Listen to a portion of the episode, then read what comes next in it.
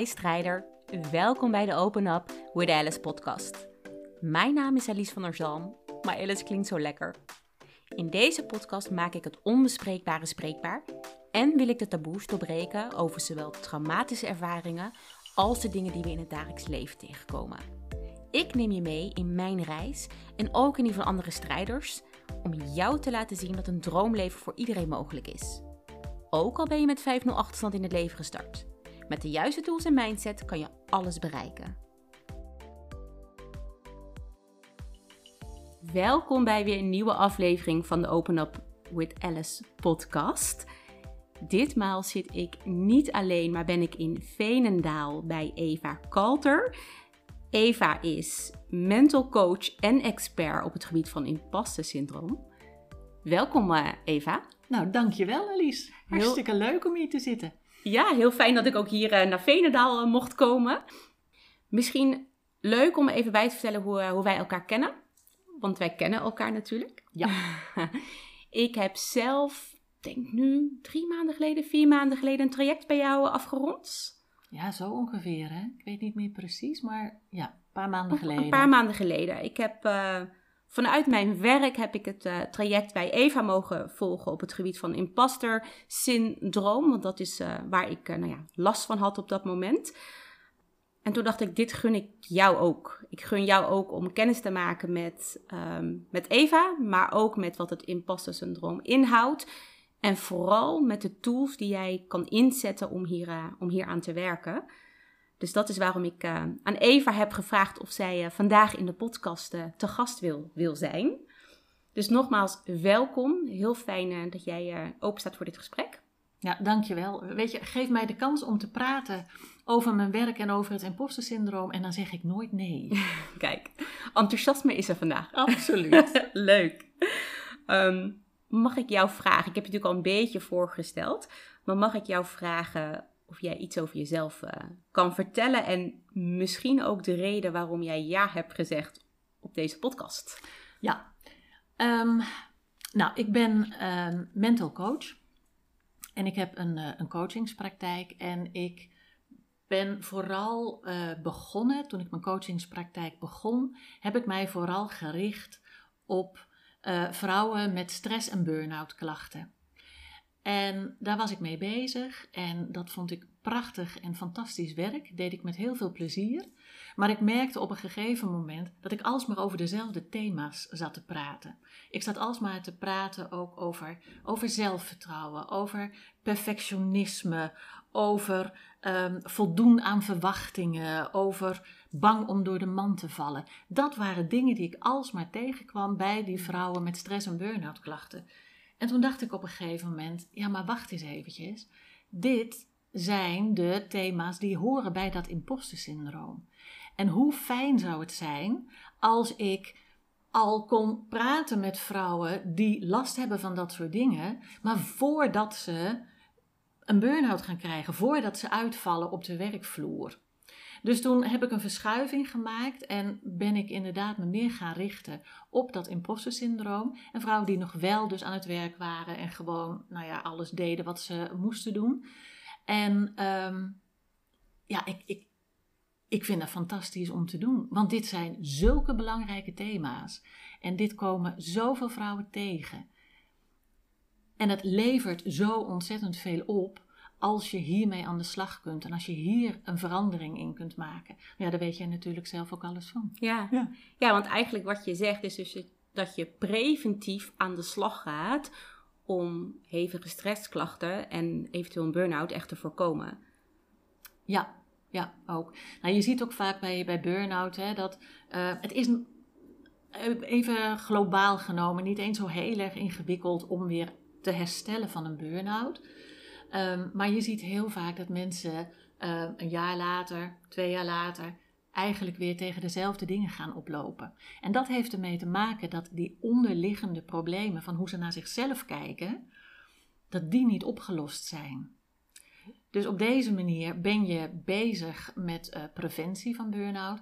Maar zelfs al zou je niet uh, een risico lopen op burn-out, maar je hebt wel imposter uh, klachten en dat, dat kan, dat gebeurt heel veel.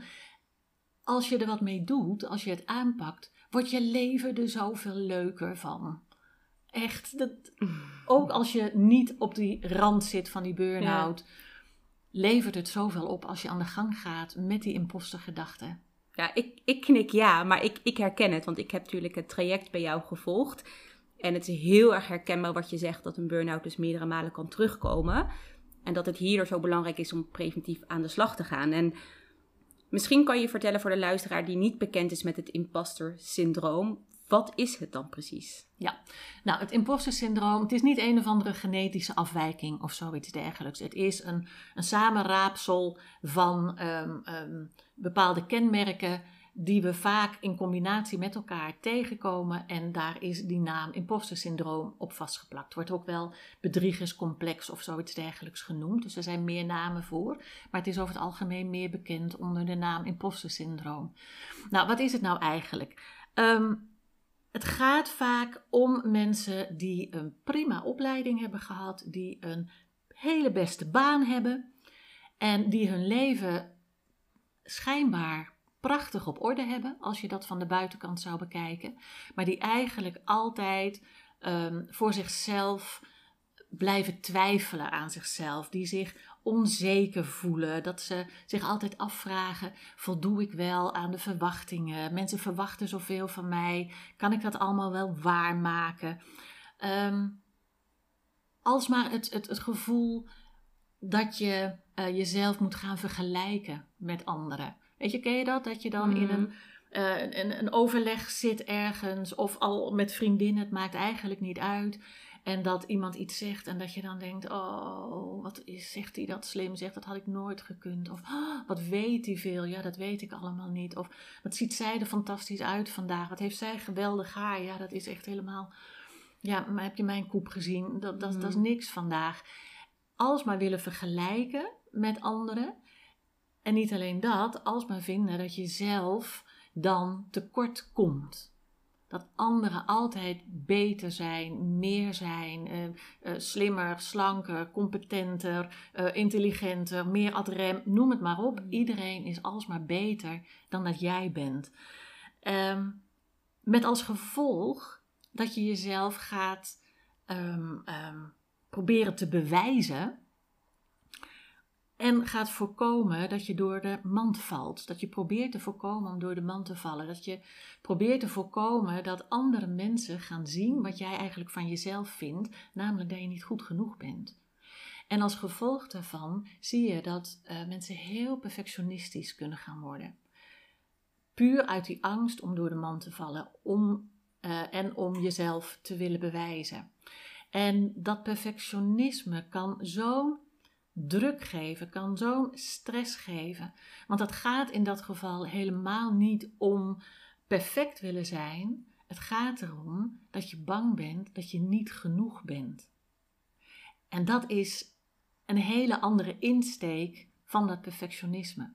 En je kunt je voorstellen dat je leven er echt niet leuker op wordt als je op deze manier bezig bent, maar ook dat je jezelf heel veel druk oplegt. En dus dat het heel veel spanning kan geven. Ja, ik, ik wil net zeggen, het klinkt oprecht heel erg vermoeiend als ik dit hele rijtje zo hoor. Als je dus de constant de hele dag eigenlijk aanstaat, om het zo te zeggen, lijkt me dat je er heel vermoeid van wordt. Ja. Ja. en dan heb ik het nog niet eens over dat eindeloos piekeren over de dingen die mensen tegen je gezegd hebben. Hè? Gewoon s'avonds mm. laat ook nog en dan in, in bed en niet kunnen slapen en er heel onrustig van worden. Want het gaat maar door. Het gaat maar door. En wat ik wel interessant vind, want ik hoor je zeggen, het zijn juist vrouwen met een goede opleiding en een goede baan. Um, terwijl wat je vaak hoort, is, dat je dan vaak denkt, ja, dat zijn dan vrouwen die heel onzeker van zichzelf zijn, die misschien niet veel hebben bereikt. Maar eigenlijk zeg jij het tegenovergestelde. Ja, inderdaad.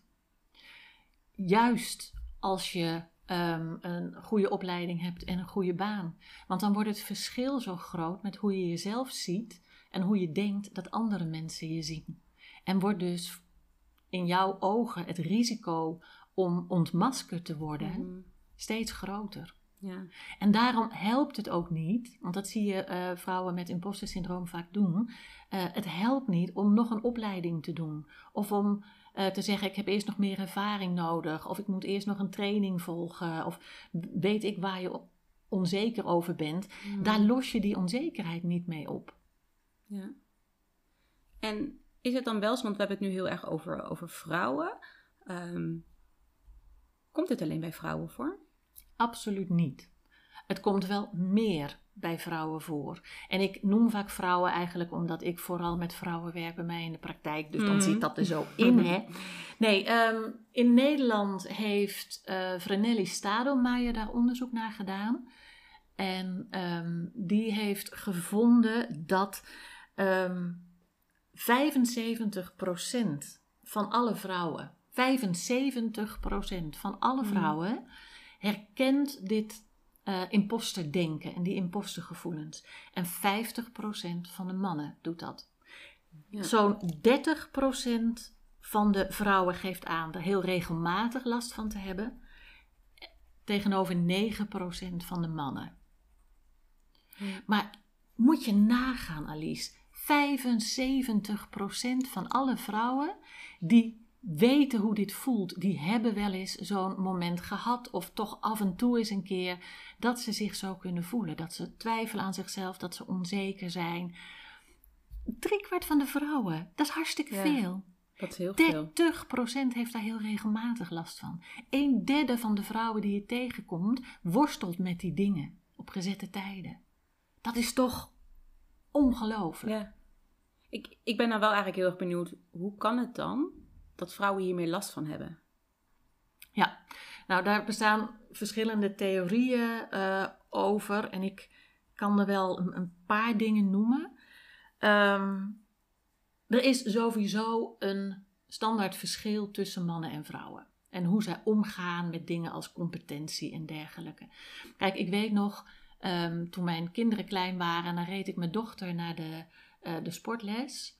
Of nou hadden ze een wedstrijd, zij deed hockey. En dan Mm. had ik een stel van die meiden in de auto op de terugweg. En dan hoorde je dingen als zo van, oh, nou, het ging helemaal niet vandaag. Ik- Het lukte me helemaal niet om die bal goed te raken. Ik heb echt niet goed gespeeld. En dan die andere meiden, nee joh, viel best wel mee. Je, was, dat- dat- maar je had mij moeten zien, dat was pas erg. Ja? Terwijl als ik, eh, mijn zoon, die zat dan eh, op tennis, ehm, naar een wedstrijd had gereden. En op de terugweg zat de auto vol met jongens. Dan kwamen er dingen van de achterbank. Van, oh, zag je mijn smash? Die ging zo hard als een raket. Dat Ja. is hoe jongens in elkaar Ja. zitten. Dus er zit sowieso wel een verschil hoe mannen en hoe vrouwen omgaan met competenties en wat ze gedaan hebben. En waar dat vandaan komt, dat Ja. ja, gaat een beetje te ver om daar nu over te hebben. Maar goed, met dat verschil hebben we sowieso te maken. Daarnaast hebben we. eh, ik ben zo blij dat je deze vraag stelde. Want oh, Gelukkig.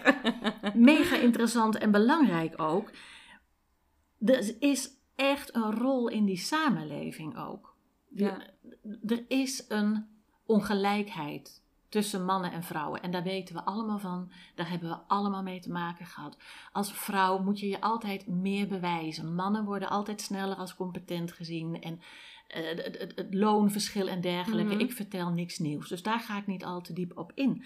Maar dan krijg je dus dat wij als vrouwen eh, opgegroeid zijn in een omgeving waar die ongelijkheid ehm, standaard is. Daar ontkom je niet aan. Die kom je altijd tegen. En dan ben jij dus als vrouw ehm, door je opleiding en door wie je bent competent. En dan ehm, ben je dus zowel competent als succesvol. Mhm. Maar je hebt in je hoofd het idee van, ja, maar dat, dat, dat kan toch helemaal niet. Dus dan, als ik zowel competent als succesvol ben, dan kan dat niet aan mij liggen. Dan Mhm. moet dat komen door dingen uit mijn omgeving. Dus dan heb ik vast geluk gehad. Of eh, ik heb die baan gekregen omdat ze toevallig een vrouw nodig hadden. Of omdat ik iemand kende. Of nou ja, weet ik aan welke Mhm. externe omstandigheden je het allemaal op kan hangen. Om het voor jezelf te kunnen begrijpen dat jij succesvol en competent bent. Maar ja, dat komt dan vast door de omstandigheden en niet door jou. En dit is een, een beetje gechargeerd ehm, eh, gezegd misschien, maar dit is wel het principe wat werkt. Als wij Mm. als vrouw competent en succesvol zijn, dan vinden wij dat heel moeilijk om dat toe te schrijven aan onze eigen talenten, competenties, vaardigheden, weet ik het wat allemaal. Wij kijken dan naar buiten. Dat is trouwens ook een van de redenen waarom het zo lastig is om uh, complimenten te aanvaarden. Want wij denken dan van, ten eerste van, wat moet hij van me? Waarom, waarom wordt dat mhm. zo gezegd? Of, oh ja, die heeft daar helemaal geen verstand van. Die zegt dat wel, maar wat weet hij er nou eigenlijk van? Het gelijk opzij schuiven, dat heeft daar ook mee te maken. Maar goed, hè, we hadden het over mhm. waarom vooral, vrouwen. Ja. Want ook nog een hele belangrijke, de rol van uh, social media. Echt onderschat die niet. Want waar zitten wij de hele dag op naar te kijken? Ja, Wij kijken naar uh, mooie plaatjes, mooie mensen met mooie levens en zeer succesvol en prachtige huizen en um, um, uh, hele lieve kinderen die nooit op de muur tekenen, waarschijnlijk. Mm -hmm. Of weet, uh, driftaanvallen krijgen bij de Jumbo of weet ik het wat. We kijken naar ideale plaatjes en dan kijk je naar je eigen leven denk je dan, ja, zo is niet mijn leven. Weer dat vergelijken en vinden dat je tekortschiet, dat je niet genoeg bent. En als je eens gaat kijken hoeveel uur per dag we hmm. kijken naar die mooie plaatjes en hoe vaak we dus vinden dat we tekortschieten, en daarmee voeden we dat natuurlijk heel, heel erg. En wij denken er niet bij na dat zo'n plaatje Ehm, dat, eh, die we zien, ehm, dat, dat het, het, het, het beste plaatje is van 50 voor mijn part. En dat het mm. prachtig gestyled is. En als wij uh, een, een succesvol iemand zien, dan zien wij niet dat hij tien keer op zijn bek is gegaan, zeg mm. maar. En dat het de elfde keer misschien gelukt is. Wij denken als we dingen één keer doen, ja, het is niet gelukt. Kijk, ik kan het ook niet. En we zien niet dat je telkens opnieuw en opnieuw en opnieuw en hmm. opnieuw moet leren, moet oefenen, moet proberen, moet doorzetten. Dat staat daar niet bij. Dus eigenlijk wat, wat je zegt is dat e, één, vanaf kleins af aan is het al iets wat we meekrijgen als jong meisje. Hè? Misschien van je ouders, uh, op school, um, al, alles om je heen. Maar twee is dat we eigenlijk ook op oudere leeftijd onszelf onbewust voeden met dat perfecte plaatje, waardoor we nog meer willen streven naar iets. Ja. En dat we onszelf daar, ja, waarschijnlijk als we op, Instagram lekker aan het scrollen zijn, dan denk je niet bewust naar nu zie ik alleen perfecte dingen. Dat, dat, is, niet, dat is niet hoe het werkt natuurlijk. Ja, ja. en het gevolg is dat ehm, onze eigen waarde aangetast wordt. Ja, en dat verergert dus eigenlijk het impasse syndroom, om het zo te zeggen. Ja, absoluut. Oké. Dus aan de ene kant zijn een aantal dingen van, van buitenaf die daar een rol in spelen. Nou ja, ik, ik geloof altijd van hè, de dingen van buitenaf kunnen wij misschien niet veranderen. Maar ik ben dan wel benieuwd wat jouw kijk is, uh, op, op, uh, en wat jouw kijker op is om preventief aan dus die stressklachten of aan die burn-out te werken. Want dat begint bij het impasse syndroom, maar ja, hoe dan? Ja, nou, het is niet zo dat burn-out altijd begint met imposter syndroom. Het is niet, we mogen het niet omdraaien. Bij burn-out zie je vaak een imposter syndroom, maar het is niet zo dat mensen die last hebben van het imposter syndroom ook altijd een burn-out zullen krijgen. Zo zit het niet in elkaar. Ehm, nou, er is ook van alles wat je zelf kunt doen natuurlijk. En ehm, dan kun je al gaan kijken naar bijvoorbeeld die dingen die ik daarnet vertelde. Ehm, wees je bewust van hoe jij omgaat met social media. Ben je alleen maar bezig met uh, al die uh, contentmakers die die perfecte plaatjes um, voorschotelen? Of kijk, volg jij vooral mensen die jou als, als persoon, als mens voeden? Die ruimte houden voor gewoon mens zijn, voor imperfect zijn. Ja. Die jou een goed gevoel geven over jezelf. En niet een vaag ontevreden gevoel over jezelf, omdat je je niet kunt meten met hun leven. En dat is echt iets om bewust mee om te gaan, eh, denk ik. Um, verder zijn er nog ja, veel meer dingen die je kan doen. Ik zal gewoon een, een, een soort van stappenplan gaan geven. Nou, ik, denk dat, ik denk dat dat heel praktisch en fijn is. Ja, graag. ja, en dat doen we net alsof het allemaal heel simpel is. Ja. Ja, ja. met een stappenplan. Goed. Nou, stap 1. Ehm, stap 1 is ga eens objectief proberen naar jezelf te kijken. Ga eens feiten verzamelen. Maak eens gewoon een lijstje van alles wat je al gedaan hebt in je leven. Alle diploma's die je hebt, alle certificaten die je gehaald hebt, de getuigschriften, de um, beoordelingen die je misschien gehad hebt, de uh, feedbackformulieren die je hebt gekregen waar goede dingen in staan. Ga het eens allemaal opschrijven en laat bij deze uh, opdracht of oefening valse bescheidenheid achterwege. Daar gaan we het niet over hebben. Dit is gewoon iets voor jou. Je, je weet best wel welke diploma's je hebt gehaald. Je weet best wel wat mensen altijd over jou zeggen. Mhm. De complimenten die je krijgt. En dan gaan we niet net doen alsof je niet net doen, maar dan ga je niet uh, zoals je normaal gesproken doet, ze niet geloven. Nee, als telkens mensen hetzelfde mhm. zeggen, dan zal het wel waar zijn, dus we schrijven het op de lijst. En je gaat eens opschrijven van oké, van, waarvan weet ik dat ik goed ben? Wat, wat kan ik? Um, waar krijg ik complimenten over? Voor welke dingen komen mensen bij mij? Hmm. Uh, wat zeggen mijn vriendinnen over mij? Wat zegt mijn familie over mij? En als je echt moedig bent, ga je het ook aan hen vragen. Ga je gewoon eens aan mensen vragen van joh, wat, zijn, wat vind jij nou mijn sterke punten? Wat vind jij mijn kwaliteiten? Wat vind jij mijn competenties? En je gaat daar een overzicht van maken. En dat is een basis.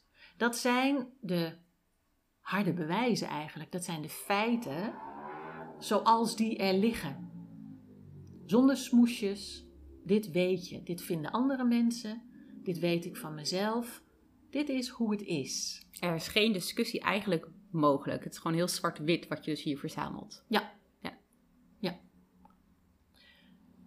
Ehm, dan de tweede stap is dat je bewust gaat kijken naar wat er in je hoofd gebeurt. Wat zeg je de hele dag tegen jezelf? We zitten de hele dag tegen onszelf te praten en we vinden van alles van onszelf. En die stemmen die je dan hoort, die noem ik um, papegaaien, in navolging van weer Frenelli Stadelmaier. Papegaaien die op je schouder gaan zitten en tegen je tetteren de hele dag door. Zou je dat nou wel doen? Weet je het zeker dat je dit wil? Kan je niet beter je mond houden?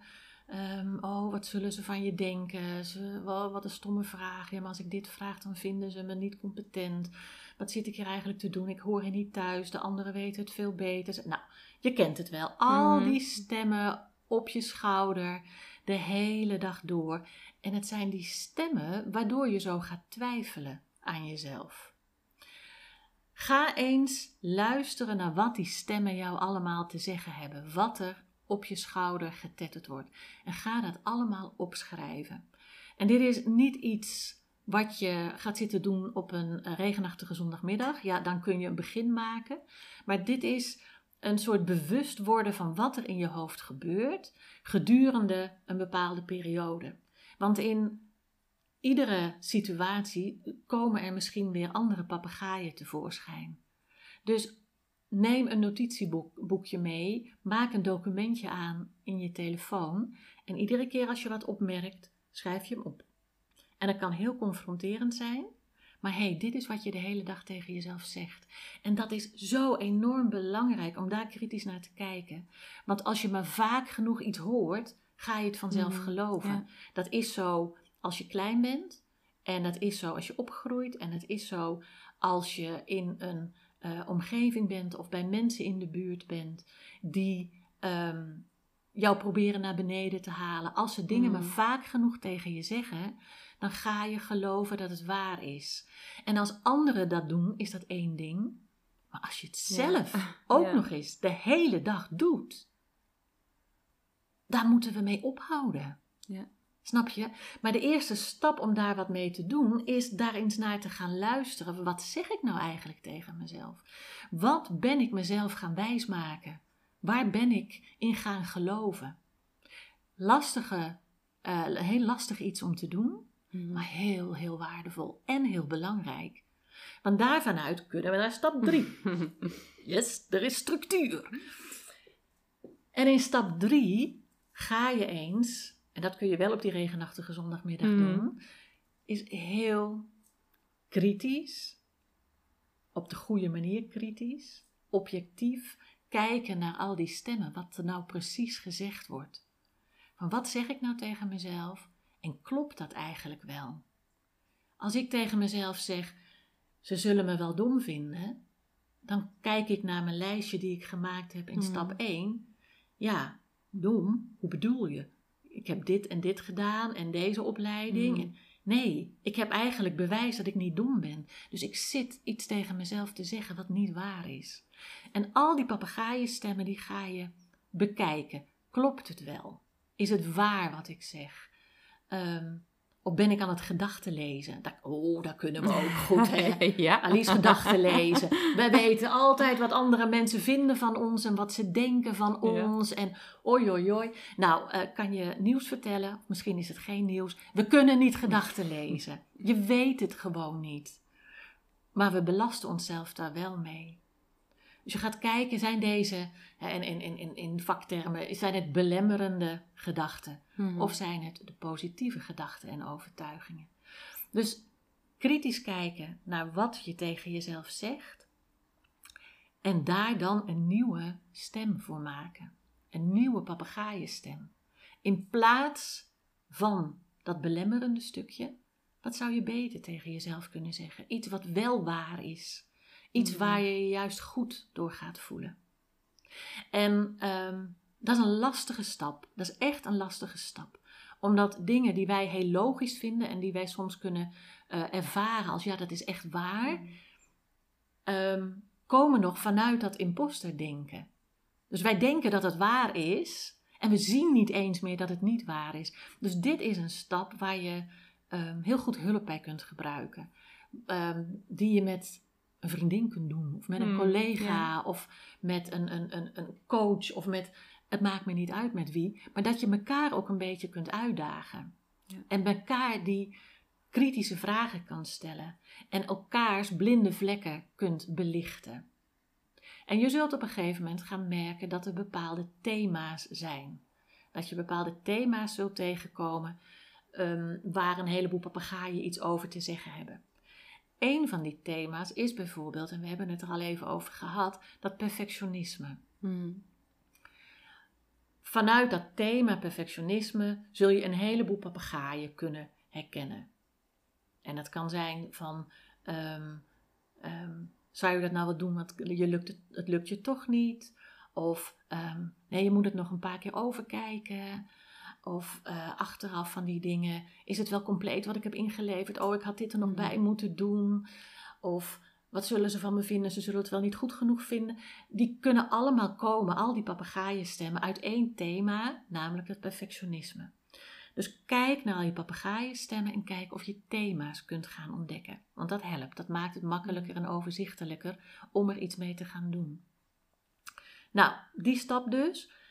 Ehm, een lastige, een moeilijke, maar waarschijnlijk de belangrijkste. Dan gaan we naar stap 4 en die gaat over dat perfectionisme. En dan ga je kijken hoe je dat perfectionisme kunt aanpakken door ten eerste de gebieden te gaan herkennen, de gebieden in je leven waarin jij vooral perfectionistisch bent. En dat kan zijn in je werk, vaak is het je werk. Mhm. En dat is vaak ook de sterkste. Maar het kan ook zijn je uiterlijk. Ga je zonder make-up naar buiten? Of moet er altijd iets opgeplakt zitten? Het kan zijn op het gebied van relaties. Het kan zijn op het gebied van wonen en huis en huishouden. Het kan zijn op het gebied van de opvoeding. Je kunt allerlei deelgebieden hebben waar je al of niet perfectionistisch in kunt zijn. Ga voor jezelf na op welk gebied ben ik perfectionistisch en welk perfectionistisch gedrag laat ik zien. Hoe krijgt dat vorm bij mij? Hoe doe ik dat in mijn werk? Zit ik alle mails acht keer te checken? Mhm. Ehm, Eh, durf ik niet aan dingen te beginnen? Stel ik het eindeloos uit omdat ik bang ben dat ik het niet goed ga doen? Zodat ik er eigenlijk niet eens aan wil beginnen. Ehm, en op het gebied van kleding, nou, ehm, ehm, wat gebeurt er als mijn kinderen een vlek op hun kleren hebben? Moeten ze dan meteen andere kleren aan? Moeten de sokken precies passen bij het truitje? Of mag het ook gewoon iets anders zijn? Nou, je kunt je wel voorstellen dat ieder van die deelgebieden perfectionistische gedragingen kan hebben. En ga dat eens voor jezelf op een rijtje zetten. Hoe krijgt nou dat perfectionisme vorm? Hoe, hoe doe ik dat nou eigenlijk? En vooral, waarom doe ik het dan? Want je gaat dat perfectionisme aanpakken en je volgt eigenlijk weer gewoon het hele stappenplan van daarnet. Want je gaat ook weer kijken, wat zeg ik tegen mezelf? Oh, maar als ik mijn mail, als er een fout zit in mijn mail, dan vinden ze me onzorgvuldig. Oh ja? Is dat zo? Hoe weet jij dat? Heb je daar bewijs voor? Als jij een mail met een foutje ziet, denk jij dan met een onzorgvuldig persoon? Of lees je er eigenlijk gewoon overheen? Dus ook weer het uitdagen van die papegaaienstem. En je gaat daar ook weer een nieuwe stem voor maken. Dus voor al die papegaaien die te maken hebben met perfectionisme, ga je ook weer een nieuwe stem maken. En dan komen we bij stap 5. En dat is oefenen, oefenen, oefenen. En dan kan je zeggen van, kom nou Eva, moet dat een hele aparte stap zijn? logisch toch? Ja, dat moet een aparte stap zijn. Want hier gaat het om. Dit is het meest lastige punt. Want je kunt nog zo fijn aan je mindset werken en nog zo fijn die leuke um, uh, papegaaien hebben veranderd. Maar als jij er vervolgens niks mee doet en je blijft in je oude patroon zitten, verandert er ook niks. En door niet alleen je mindset te veranderen, maar ook je gedrag te veranderen, daar zit de echte waarde mm. natuurlijk. En we hadden het er net nog over, over ehm, ehm, zelfvertrouwen opbouwen. Dat dat ook iets is wat je uh, kunt oefenen, wat je moet oefenen. En dat gaat niet de eerste keer gelijk goed. Als je iets voor de eerste keer doet, mm-hmm. of dat nou een podcast opnemen is, of voor het eerst Ehm, je mening geven in een vergadering. En al heb je je mindset nog zo goed op orde, het is rete eng. Dat is echt super spannend. Want je had het altijd vermeden en niet gedaan. En daar had je redenen voor, namelijk papegaaienstemmen. Ja, en nu heb jij dus die papegaaien een beetje tot stilte gebracht. En je hebt er een andere stem voor. Maar het is nog steeds zo spannend om te doen. En je zit daar dan misschien wel met klamme handjes en klotsende oksels en knikkende knieën. Maar je hebt besloten het toch te doen, want jouw mindset, mindset is veranderd. Dus op het moment dat je het doet, is dat doodeng.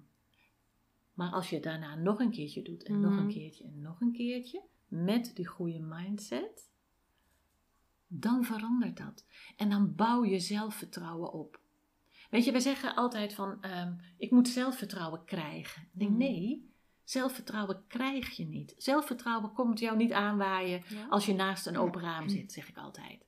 Zelfvertrouwen krijg je door mindset en actie.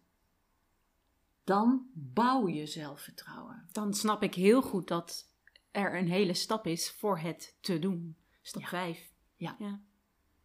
Dus dat, dat is een hele belangrijke stap. Ja. En dat zijn dus vijf stappen. En dat is echt wat je zelf kunt doen. En het klinkt misschien groot en veel. En, en weet je, ik, ik weet dat het lastig is, dat het moeilijk is en dat het mm. um, verwarrend kan zijn en zo. Maar dat is. Dat hoeft geen reden te zijn om het niet te doen. Al ga je maar één papegaaienstem aanpakken. Eentje. En je gaat één klein gedrag veranderen. Hmm. Je gaat één ding doen met je perfectionisme, voor mijn part. Je gaat zeggen van nee, weet je, ik ga die mail niet meer acht keer checken. Want eigenlijk weet ik wel hmm. dat het helemaal niet uitmaakt. Ik schrijf hem, ik lees hem één keer door. Of het erin staat wat ik erin wil hebben. Ik lees hem nog een keertje door hmm. op spelfouten. En dan druk ik op verzend. En dan haal ik diep adem. Maar dan heb je dat wel gedaan. En dan is dat je ene ding. Er is altijd één klein dingetje dat je kan doen. Het hoeft niet allemaal in één keer.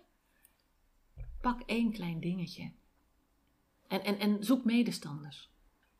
Zoek medestanders, zoek mensen met wie je dit samen kan doen. En Mm. weet je, die zijn er zat te vinden, want hey, 75% van de vrouwen herkent dat en 30% Dan zit er, regelmatig. ja, dan zit er vast wel iemand bij die jouw buddy hierin eh, in, eh, in wilt zijn. Ja. Ja, ik herken heel erg wat je zegt. Ook dat voorbeeld over de mail. Ik heb dat zelf eh, heel erg gehad. En inderdaad, precies wat jij zegt. De eerste keer was het zo out of my comfort zone. Want ik wist dat ik een mail ging sturen die niet perfect was. En al die stemmetjes dat mensen dan van me zouden kunnen vinden. En ik kan je nu vertellen uit, uit eigen ervaring dat ik mijn mails niet meer zeven keer nakijk. Dat ik hem één, en dat het echt een hele belangrijke mail is, twee keer nakijk. En als ik dan zelfs nog twijfel, ik dan denk, als iemand mij afwijst op een D of een T, is dat niet de persoon die bij mij hoort. En ik druk op verzenden.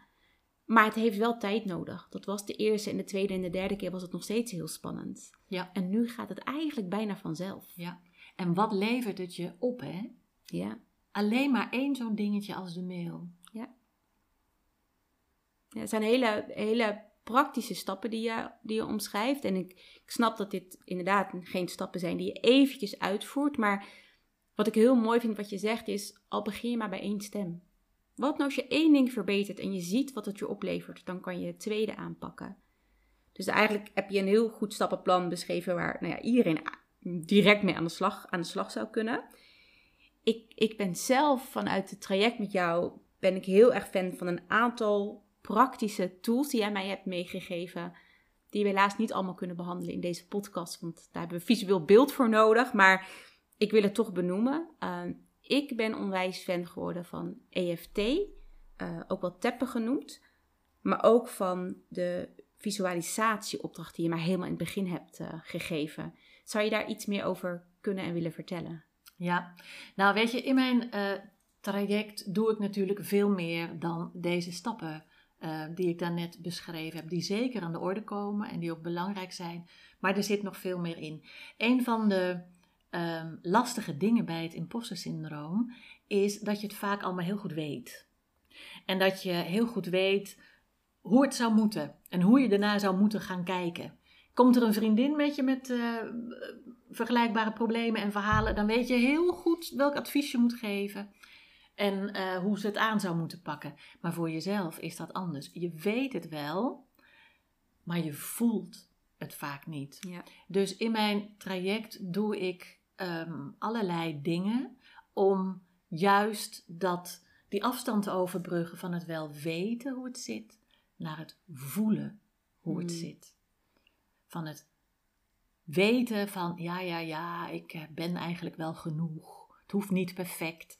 Naar het voelen van ik ben genoeg.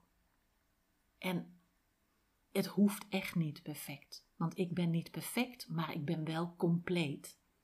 Ik vind dat zelf altijd een mooi Ja. onderscheid. Hè? Het verschil tussen perfect en compleet. We willen altijd perfect zijn. Ja. En je weet wel dat perfectie niet bestaat. Maar ik zeg altijd, je bent al compleet. En compleet is een afgerond geheel. Ja, je kan het niet zien natuurlijk nu, maar ik zit met mijn handen in een soort bolvorm voor me. Ja. Zo zie ik dat voor me. Je bent compleet zoals je bent. Het pakketje wie jij bent is compleet. Daar mag je trots op zijn, daar mag je blij mee zijn. Dat is, dat ben jij. Dat is jouw essentie. En uh, om daar te komen gebruik ik verschillende oefeningen. Visualiseren is daar eentje van. En bij dat visualiseren ga je eigenlijk gevoelsmatig al zo dichtbij komen als het kan van hoe je je zou willen voelen. En met visualiseren is vooral belangrijk uh, om te kijken naar, om bezig te zijn mm. met hoe wil ik me voelen. En wat dat betreft vind ik altijd het woord visualiseren een beetje misleidend. Mhm. Mm-hmm. Hè? Want dat gaat heel erg over wat zie ik voor me. En dat is het natuurlijk ook wel. Maar bij het visualiseren probeer je altijd de koppeling te maken met het voelen. En daarmee haal je um, dat, dat gewenste gevoel, hoe je eigenlijk wil voelen in de situatie die jij visualiseert, haal je dichterbij. Een van de andere oefeningen die ik gebruik, en dat is mega krachtig, dat is EFT. Uh, dat staat voor Emotional Freedom Techniek. En als je daar nou op gaat googlen, dan moet je heel erg oppassen. Want er zijn twee EFT's en de ene komt uit de relatietherapie Mhm. en de andere is de EFT waar ik het over heb. Dus dat moet je eventjes heel goed opletten waar je naar zit te kijken. Dat je niet denkt zo van, wat moet ik doen? Nee, maar EFT is een, ehm, een techniek die je ehm, heel makkelijk zelf kunt gebruiken, die je makkelijk zelf kunt leren en die je in kunt zetten in hele verschillende situaties, zowel de acute ehm, vervelende stresssituaties. Mhm. Het werkt heel goed in het verlagen van, het, van de stress. En we weten ook dat ehm, een EFT-oefening ook eigenlijk heel snel het cortisolgehalte in het bloed verlaagt. Mhm. En dat is een van de belangrijkste stresshormonen. Dus EFT doet iets. Je kunt het toepassen bij hele acute stresssituaties of andere emotionele dingen. Maar je kunt EFT ook toepassen op belangrijke en grote thema's waar je tegenaan loopt. Bijvoorbeeld het perfectionisme, bijvoorbeeld het twijfelen aan jezelf, bijvoorbeeld die kritische stemmetjes.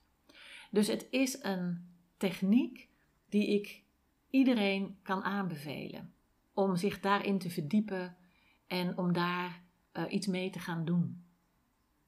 Ik ben een groot voorstander Ja, van. En ik, Ik ook. maar dat weet je. Ik ben Ja. onwijs fan. En ik, ik, zei, ik vertelde je al toen we elkaar telefonisch spraken van... ik zou het zo graag in deze podcast willen meegeven. Alleen zonder beeld is dat niet mogelijk. Maar wie weet in de toekomst dat we daar iets mee, mee kunnen doen. Ik zal sowieso een linkje ook in de show notes zetten... naar een goede website van eh, nou ja, het, het, het, het tappen. eh, zodat mensen er zelf aan mee kunnen gaan, eh, gaan spelen eigenlijk. Ja. Ik had nog één vraag over dat visualiseren. Hè. Wat ik vroeger altijd zei, en ik ben benieuwd of dat een beetje hetzelfde is. Ehm, mijn, mijn, mijn motto was altijd fake it till you make it. Gewoon voel je hoe die persoon zich voelt. Ehm, hè, als ik zelfverzekerd wil zijn, hoe voel ik me dan? Hoe sta ik? Hoe kleed ik me dan? En dat is dan hoe ik de deur uitging. Is dat een beetje hetzelfde? Ehm, ja, dat vind ik een lastige vraag. Dat fake it till you make it zitten goede dingen in. Maar dat kan ook juist heel erg dat die imposter gedachten in stand houden. Zo van ik moet het faken, want ik ben het niet echt. Ja, dat is een goede. Dus die vind ik altijd een beetje tricky. Ehm, en ik denk dat bij een visualisatieoefening. Ah, ik vind hem echt lastig, Alice. Het, het, het gaat er echt om hoe je dat Mhm. inzet. En tuurlijk zit er een stukje faken bij, maar dus, het is veel meer, en dat is een nuanceverschil, Mhm. dat realiseer ik me, is echt dat gewenste gevoel dichterbij halen. Het is niet het faken van het gevoel, maar het is het contact maken met het gevoel, het voelen Mhm. van dat gevoel. En dat is een beetje het verschil. Dat fake it till you make it, blijft heel erg in je hoofd zitten. Ik moet me zo gedragen, ik moet dit doen, ik moet zo staan, ik moet deze kleren aan, ik moet zo kijken, ik moet zo reageren op een compliment, weet ik het wat. En dat blijft zo zitten in het weten hoe het moet. Mm. Terwijl bij een echte goede visualisatieoefening maak je echt contact met Ja. dat gevoel. Zie je het en ervaar je het als stukje van jezelf. En Ja. ik denk dat dat een van de grote verschillen is. Begrijp je wat ik Ja, bedoel? ik snap heel goed wat je zegt. Ja, ja. Ook om een go- goede aanvulling dat je deze, dat je deze geeft.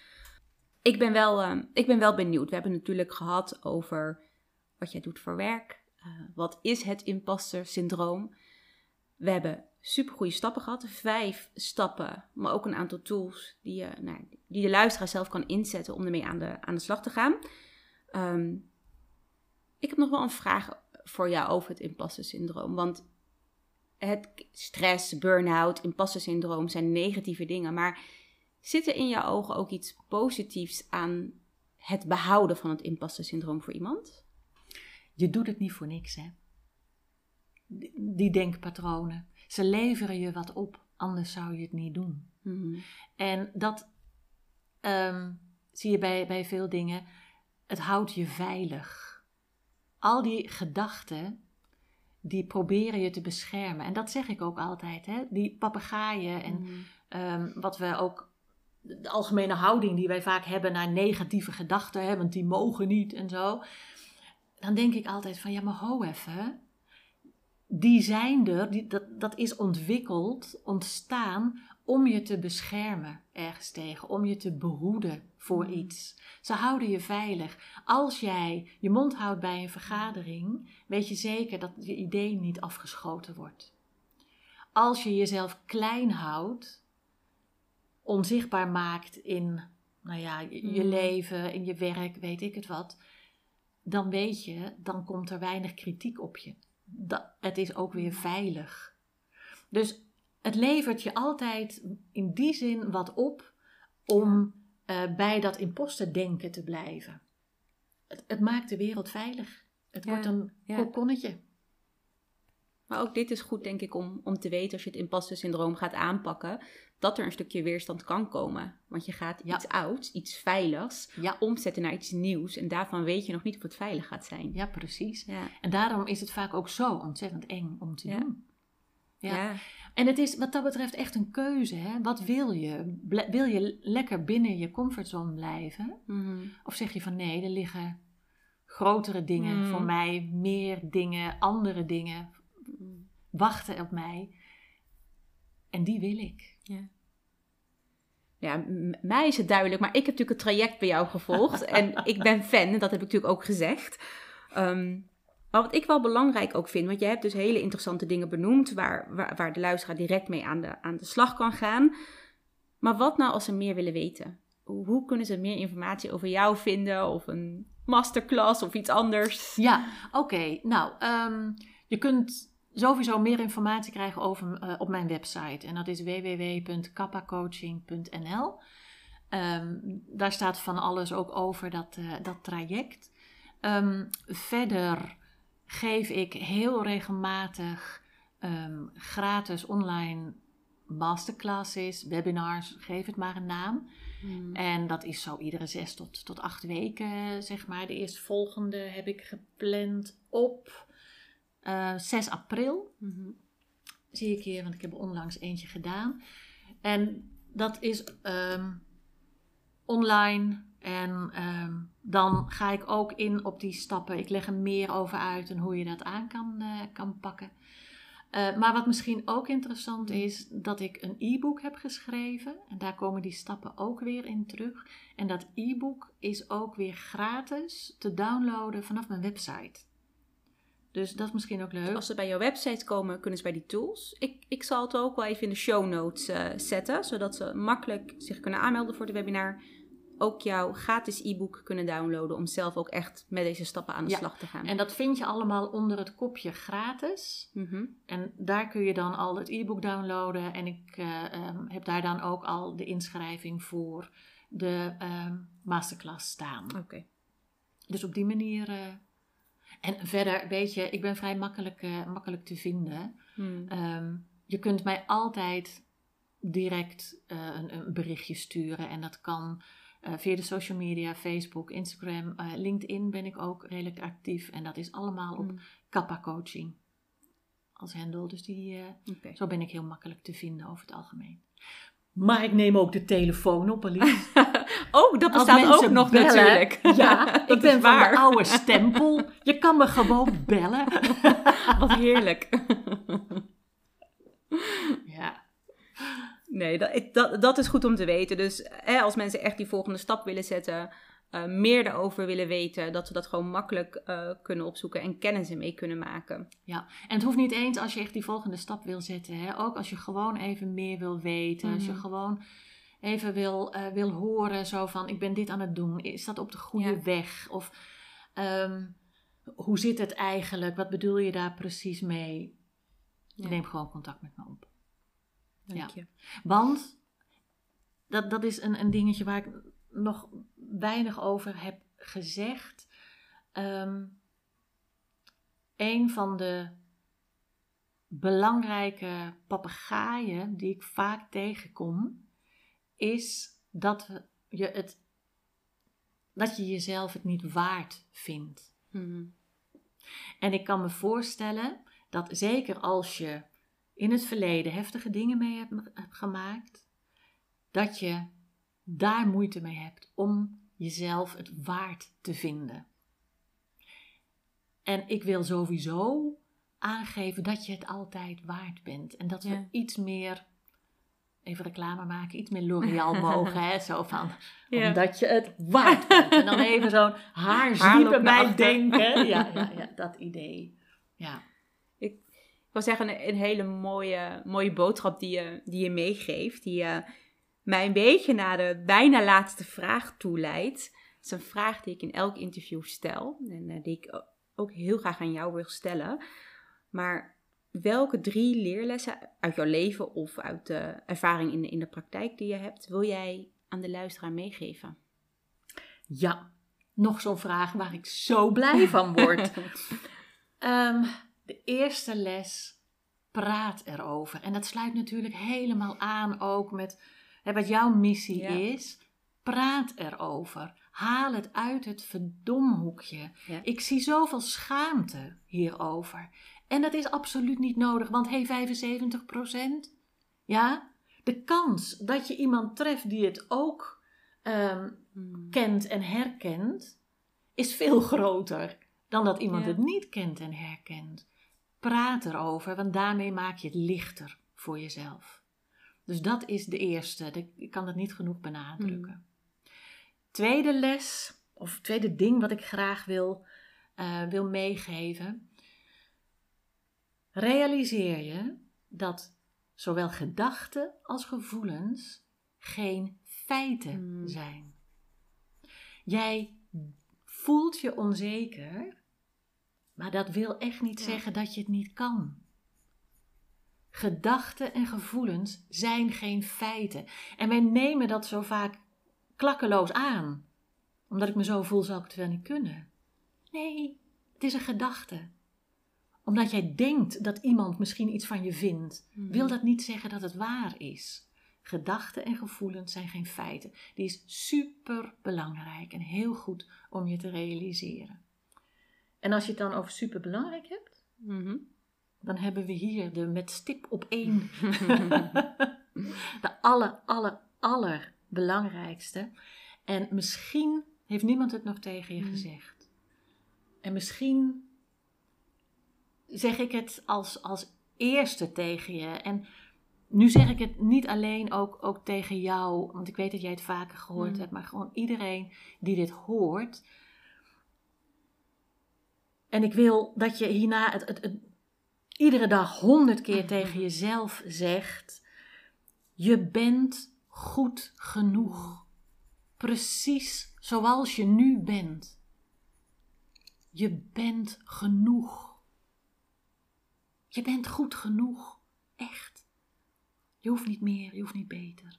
Je bent genoeg. Ik denk dat dat een hele mooie, een mooie boodschap, les, ik weet niet hoe ik het moet noemen, maar heel mooi is om hiermee af te sluiten. Ik denk als je dit elke dag tegen jezelf mag zeggen en het ook echt mag voelen, ja, dat is waar het om gaat. Ja. ja. En als we het hebben over waar het om gaat, hè, de essentie. Ik weet dat na het volgen van het traject bij jou, dat jij mij een gedicht hebt voorgelezen die je zelf hebt geschreven. En ik weet nog dat ik hem helemaal kon voelen en dat ik dacht, ja, dit, dit is het, dit is de kern. En ik wil jou vragen om dit gedicht ook natuurlijk in deze podcast eh, voor te dragen. Ik voel me helemaal vereerd. nee, heel graag. Het, het, het heeft te maken. Dit is een gedicht, ik heb het inderdaad zelf geschreven. Het, het staat dicht bij me omdat dit is, de intentie is waarmee ik aan het werk ben. Dit is wat ik mensen wil meegeven en dit is wat ik, wat ik belangrijk vind. Dus heel graag. En ik heb hem genoemd Vind de weg. Wie ga je zijn als je vrij bent van twijfel? Wat ga je doen als je voelt, ik ben genoeg? Hoe ver reikt je licht als de angst om te stralen je heeft verlaten? De weg is vrij. Wie ben jij? Mooi. Eva, ik, ik, ik krijg kippenvel als ik dit gedicht hoor. Maar dat vertelde ik al, ik, ik voel hem. Dus ik ben heel blij dat je deze wou, eh, wou voordragen. ik ben ook heel blij dat je in deze podcastaflevering te gast uh, nou ja, wil, wou zijn. Ehm, en ik wil je bij deze nogmaals bedanken. Heel, heel graag gedaan. Want echt, hoe meer mensen weten dat dit bestaat en dat het gewoon is, zeg maar. Zo, of gewoon in de zin van zoveel voorkomt. Maar dat je je niet zo hoeft te voelen. Dat het echt anders kan. En hoe dat je hele leven kan veranderen. Hoe meer mensen dat horen en weten, hoe beter het is. dus dank je wel dat ik die kans heb gehad om erover te vertellen. Daar ben ik het helemaal mee eens. Dank je wel. Graag gedaan. Dit is alweer het eind van de podcast. Dankjewel voor het luisteren. Ben jij nieuwsgierig naar meer? Abonneer je dan op mijn podcast en ik zou het super leuk vinden als je me volgt op Instagram. Dit kan onder Open Up with Alice. Voel je vrij om mij hier een berichtje te sturen? Ik hoor namelijk erg graag wat je van deze aflevering vond. En onthoud, mijn verhaal is jouw verhaal en jouw verhaal is ons verhaal.